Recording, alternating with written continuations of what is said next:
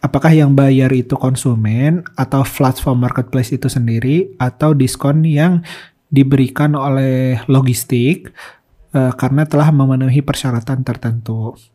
Nah, uh, ini kan ada yang transaksi minta transaksi ke marketplace karena di sana ada gratis ongkirnya. Sebenarnya Halo semuanya, selamat datang di Tanya Yumin. Nah, seperti biasa, ini ada pertanyaan yang masuk dari DM Instagram yukbisniscom. Pertanyaannya, bagaimana cara meyakinkan pembeli tentang biaya ongkir? Pengen full di toko online, tapi banyak yang minta ke marketplace karena fitur gratis ongkirnya. Padahal kan sebenarnya biaya ongkir itu ada dan gak gratis. Nah, gimana nih jawaban dan tanggapan dari Mas Salman? Oke, nah pertama ini perihal biaya ongkir dulu deh ya.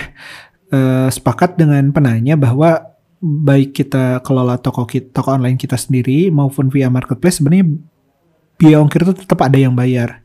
Cuman apakah yang bayar itu konsumen atau platform marketplace itu sendiri atau diskon yang diberikan oleh logistik e, karena telah memenuhi persyaratan tertentu.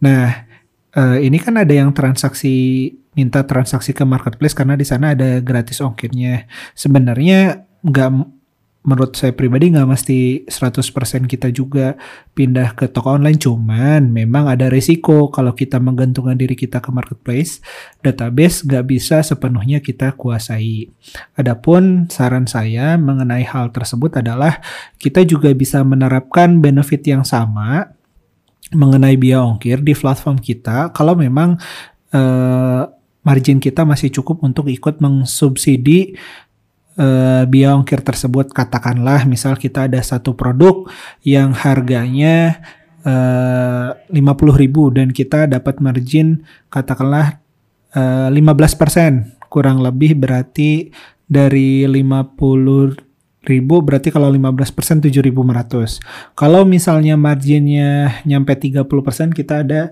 kelebihan 15.000. Nah, uh, biaya ongkir yang konsumen harus beban dibebani kurang lebih misalnya katakanlah 10.000 rupiah.